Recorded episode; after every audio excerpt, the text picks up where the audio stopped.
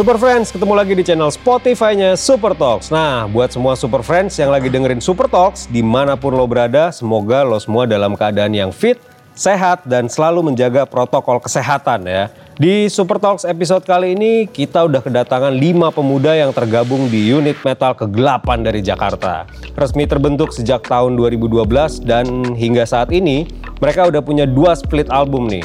Dan juga ada dua EP album yang di mana salah satu singlenya The Annual Horrors berhasil memenangkan Emmy Awards di tahun 2019 dalam kategori produksi metal hardcore terbaik. Dan beberapa bulan yang lalu mereka baru aja merilis dua single terbaru yang sangat sangar dan eksploratif, Velo DC dan Hallowed Ground. Kabarnya dua single ini masih jadi pembuktian kalau mereka masih ogah bikin full album nih.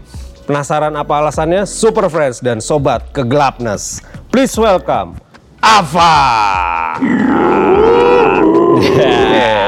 Gitu gak sih? Iya, gitu dong. Halo, apa kabar nih Ekrik, Indra, Ray, dan Yuda? Baik, baik. Baik Kabar semua baik. ya. Ini Sehat. hanya Insan yang lagi sibuk nih ya. Iya, betul. Jadi nggak bisa nongol duduk di sofa ya.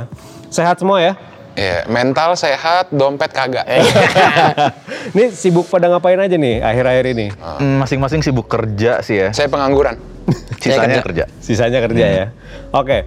Apa aja sih band kalian sebelum membentuk Avat di tahun 2012 dan gimana pertemanan kalian pada saat itu? Jadi gua itu sebelum Avat punya band namanya Kacang Mede, band popang gitu. Nah, drummer gue dulu itu sekarang di PW Gaskin si Aldi dan gue kenal Ekrik kebetulan Satu scene. satu scene lah dulu eh, pas jadi For the Flames dulu. Band lo apa aja, Krik? For the Flames Meteor Bridge dulu. Dulu banget sih gue punya kayak band indie rock imuan gitu namanya Love Hate Love. Tapi emang yang pas kenal sama Ray itu pas di satu scene di eh, pas gue main di For the Flames Meteor Bridge. Oke, di sini yang sama ya. Hmm, scene yang sama. Si Yuda sih sebenarnya di scene yang sama cuma gue kayak waktu itu kita nggak kenal. ya? Iya. Coba, coba, coba, coba, Eh, coba. Dulu, dulu banget sih gue band gue ada SMA tuh Tears. Tears itu sama Mama sama Dito. Sekarang kita udah nggak ngeband bareng lagi karena mereka udah bikin proyekan sendiri namanya Barefoot. Nggak lama setelah itu gue bikin band sama teman-teman gue namanya Disfare yang akhirnya split sama Avat ini itu pada saat itu gue belum di Avat nah akhirnya kita split Terus tour bareng, bareng setelah tour bareng itu kayak Ray harus meninggalkan harusnya Indonesia dulu. meninggalkan Indonesia. Oh, gitu. Anjay. Sementara Makanya gue- waktu ya? Iya, gue di, di di apa namanya? Replacement Ray lah. Walaupun akhirnya Ray cancel dan balik, ya udah akhirnya kita jalan berlima. Oke. Udah sampai sekarang. enak soalnya mau ngeluarin dia kan. Kayak Iya. gue udah beli gitar. Iya, enggak sih udah. Udah latihan. Iya, Disuruh udah ngulik-ngulik. Oke. Iya, gitu sih. Nih, siapa sih yang yang pertama kali menginisiasi membentuk Avat? Boleh diceritain nggak sih prosesnya kayak gimana? Yang pertama kali Ekrik, em, gue sih waktu itu diajak sama Ekrik ya. Sebenarnya waktu itu sih gue yang al- eh, band gue yang sebelumnya itu yang si For the Flames Meteor Bridge itu lagi lagi udah lama banget nggak nggak nggak nggak manggung gitu. Terus waktu itu juga lagi jenuh banget sama kerjaan 9 to 5 gue. Kayak gue pengen ngeband deh gitu gitu. Nah, Insan itu sebenarnya sering nongkrong di tempat tinggal gue. Terus gue denger si albumnya The Secret yang Agnus Day waktu itu baru keluar. Gue ngomong ke Insan, San bikin kayak gini yuk, lu udah gak ngeband lagi kan? Iya pengen ngeband nih, bla, bla, bla, bla." Terus ya udah, gue ajak Ray, terus gue satu gedung sama Indra kerjanya. Gue bilang sama dia, Indra lu mau ngeband gak? Bla bla terus akhirnya eh, ya udah mau gitu gitu terus ya udah eh, pertama kita kayak mau cover The Secret dulu deh buat Oke. kayak nyatuin aja ya udah terus sampai sekarang sih Nah, kalian setuju nggak sih kalau di tahun 2012-2013 itu era di mana skena musik ekstrim atau katakanlah metal, punk, deathcore, post-punk, dan hardcore itu bertransisi tuh. Banyak yang buat project band dengan sound-sound baru, khususnya di ibu kota ya terutama. Itu gimana menurut kalian? Em, kalau menurut gue sendiri, tahun-tahun itu memang eh, mungkin kalau ngomongin ibu kota, band metalnya tuh udah lumayan kebentuk ya. Jadi udah ada misalnya Seringai, udah ada eh, Dead Squad misalnya Ya. atau Noxa. Kita pengen membawa nuansa baru aja sih karena waktu itu mikirnya wah band yang kayak gini kayaknya Udah ada belum nih ya. ada nih di Oke. sini gitu. Oke. Eh, yuk sekalian iseng-iseng eh ternyata cocok gitu sampai sekarang. Kalau nanggepin pertanyaan lu sih mungkin pas di tahun itu tuh eranya orang lagi pada jenuh kali ya sama musik-musik yang udah ada. 2012 tuh kan kalau ngomongin kayak 2010, 2009 gitu-gitu kan itu kan kayak indie rock Iya. Vampire Weekend Iya, bla bla iya, gitu-gitu iya. kan eh, lagi pada naik-naiknya tuh di XX bla bla. Sebelumnya itu kan imo-imoan tuh.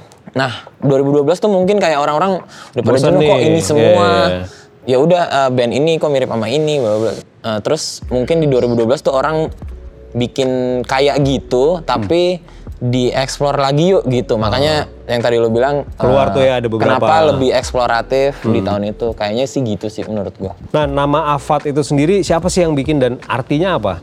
Ya itu tadi ya, karena gue lagi jenuh banget, lagi ng- nggak banget deh sama kehidupan daily gue gitu. Ya. Eh, itu jadi hater tuh buat gue tuh. Avat itu sebenarnya kayak loosely translated dari Norwegian eh, Norwegian language, Aha. artinya of hatred. Jadi kayak ya dari kemarahan gue, dari kemuakan gue gitu. gitu. ya, ya. Ya udah waktu waktu itu sih sebenarnya kayak bingung bingung nyari nama terus ya udah deh ini aja terus anak-anak pada suka Referensi musik apa aja sih yang lo bawa, Krik? Untuk Avat gitu misalnya, dan apa yang membuat akhirnya kalian cocok dengan referensi musik itu? Kalau awalnya udah pasti The Secret sih karena eh, ide bikin Avatar tuh pas gue dengerin album si Agnus Dei itu. Terus abis itu mulai tuh eh, ngulik-ngulik kayak band-band dalam tanda kutip kegelapan yang lain lah. Ada gue bawa kayak Okultokrati, Death Heaven juga, Curse. Terus ya mungkin beberapa band apa ya band black metal yang lain-lain kayak Burzum gitu-gitu. Cuman eh, Swedish Punk Total. gitu ya. Swedish Jafla Morker. ya, gitu-gitu nah tapi emang nggak semuanya kita ambil gitu loh maksudnya kita nyatuin visi dulu gitu aja sih nih kayak gini ya gitu ya Lo ya belum juga eh, band-band lokal gitu ya kayak Iya. waktu itu Alice, Howl, Ada Sloth, sloth, Sloth, juga ya. eh, Hark a Crawling Tatar. Crawling ya. Tatar. Oke, banyak lah ya. Banyak banyak. Nah, jadi persisnya apa nih genre di era awalnya Avat berdiri yang bisa mungkin bisa kalian definisikan? waktu itu orang-orang pada ngedefinisiinnya antara black and keras dark hardcore ya black and hardcore neo Neo-keras, waktu yes. itu cuman ya itu kan istilah internet ya Iya, iya, maksudnya kita mah ngeband ngeband aja gitu Eh, Yang penting kita gelap gitu. yang ya. penting Iya. nah itu dia tuj- Comberan. tujuan awalnya tuh cuman kayak gue pengen gelap, gelap." doang segelap mungkin dah gitu kayak kayak air comberan. Kayak- Gitu, pokoknya kayak gitu sih Apa sih keistimewaan warna musik black and sound atau hardcore punk rasa black metal untuk Avat sendiri gitu? Agresif kali ya mungkin ya. Iya, agresif tapi agak gloomy gitu. Karena kan black metal tuh gloomy banget ya. Musik-musik depresif, musik-musik yang kayak apa namanya? Dalam banget suicidal. gitu ya. Eh, iya nggak? Tapi kita ngebringnya pakai em, beat-beat hardcore. Oke. Mungkin bisa ditambahin juga kalau misalnya ditanyain yang spesialnya dari Avat itu no boundaries sih kalau gue bilang. Eh, emang kita maunya gelap banget, tapi nggak terpatok dalam satu genre atau satu pakem tertentu gitu. Oke. Di rilisan kita yang terakhir tuh di Velodesa kita masukin saxophone itu ngambil influence benar dari jazz gitu karena eh, dengerin bebop gitu-gitu. Eh, Metal suka-suka ala Avat. spesialnya itu kayaknya kalau misalnya ditanya spesialnya apa dari Ava tuh kayaknya itu deh. Itu ya. Eh, no boundariesnya itu sih. Pada akhirnya juga kita bikin lagu akhirnya nggak terpaku sama terms tadi kayak punk metal atau apa pun itu Iya, kan iya, akhirnya kita ngambil banyak referensi dari luar metal juga bahkan untuk yang tulisan-tulisan Karena terakhir tujuannya cuma satu, gelap. Nah, ini penting juga nih. Apa sih tantangan menciptakan musik yang genrenya nggak lebih common gitu di sini, lebih gelap dengan sound yang lebih raw dari kalian mainkan di band-band sebelumnya gitu? Sebenarnya kalau misalnya Avat sendiri yang menyatukan kita tuh mungkin sebelum kayak kenal uh, band-band influence yang lain gitu ya. Kita semua suka Converge. Ya, Udah pasti, udah pasti. Semua Kayak orang agak gitu ya. nafas utamanya itu kali ya. Iya. Jadi ya pasti eh, gua kalau misalnya eh ngeband yuk em, Kayak gimana ya? kayak gimana nih gitu. Ya converge gitu lah. Converge converge gitu Jo. Jadi kayak converge gitu awalnya. Tapi sejujurnya gue kayaknya yang paling jarang dengerin eh, musik ekstrim sih ya Ah. dibanding sama eh, Yang teman-teman band ya? gue yang lain. Gue justru eh, kalau misalnya Avat itu karena gue emang eh, buat Avat aja gitu lagunya. Jadi meskipun gue em, mungkin yang mengkompos lagu paling banyak, tapi gue yang paling sedikit dengerin referensi sebenarnya. Oke. Jadi Avat tuh ya ya apa yang ada di kepala gue gue keluarin terus ya dibantu sama temen-temen gue eh lo bikin kayak gini deh gitu baru Tambahin nanti ini, akan di mold lagi Oke. Nah, terus gimana tuh dengan kepuasan sound di single berjudul Une Generation Perdu, Catch, terus Eulogi di era awalnya Avat? Puas sih kayaknya. ya. Lu nggak tahu nih. Ya, sih, puas sih. pada saat itu itu kita apa ya? Memang kapasitasnya Avat di tahun itu adalah bikin single seperti itu. Oke. Jadi kalau misalnya dibilang puas, puas, tapi pastinya ada sesuatu yang lain yang bisa dieksplor kan. Makanya kita di setiap rilisan berikutnya Ya.